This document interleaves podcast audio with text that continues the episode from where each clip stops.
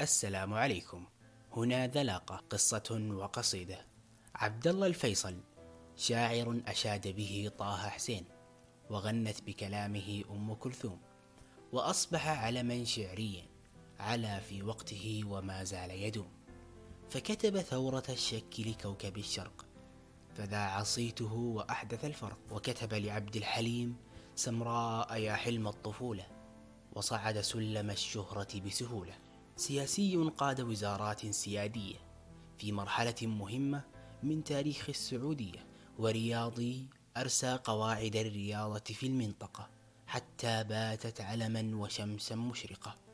بعد وفاة والدته في صغره نشأ في كنف المؤسس الملك عبد العزيز أعظم رجالات شبه الجزيرة العربية المعاصرين وموحد الدولة السعودية.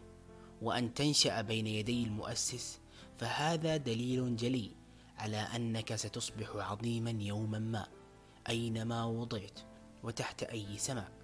ووالده الملك فيصل كان عظيم الشأن عالي المقام تسيل له المحابر والأقلام. وكان للأمير مجلس أدبي شهير بمنزله في جدة يجتمع فيه الأدباء ويتبادلون الأفكار والأشعار من العصر إلى قبيل العشاء وصدر للراحل عدة دواوين.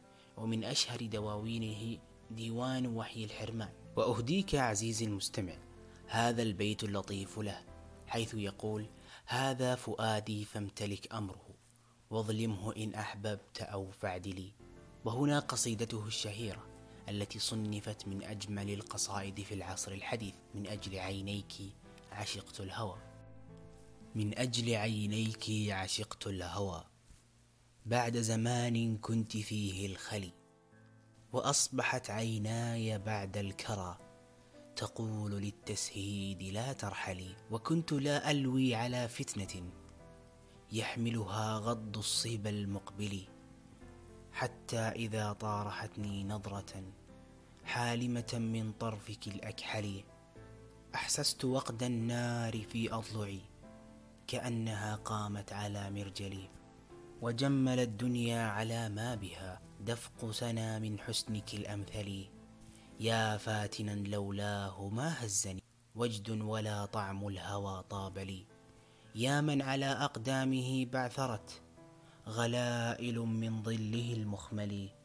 إذا رنى فالزهر من حوله.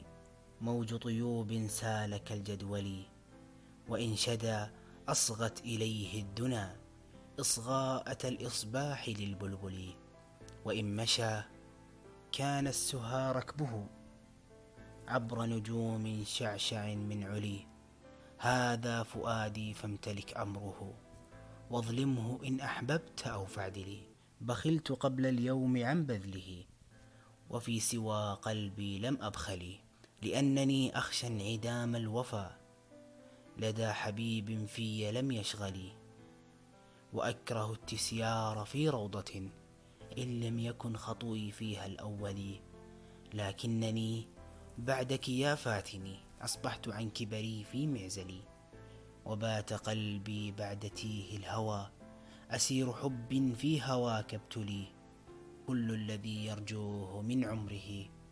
رجع صدى من شدوك المرسل لو شغل الناس بما في الدنا. لم يعن إلا بك أو يشغلي.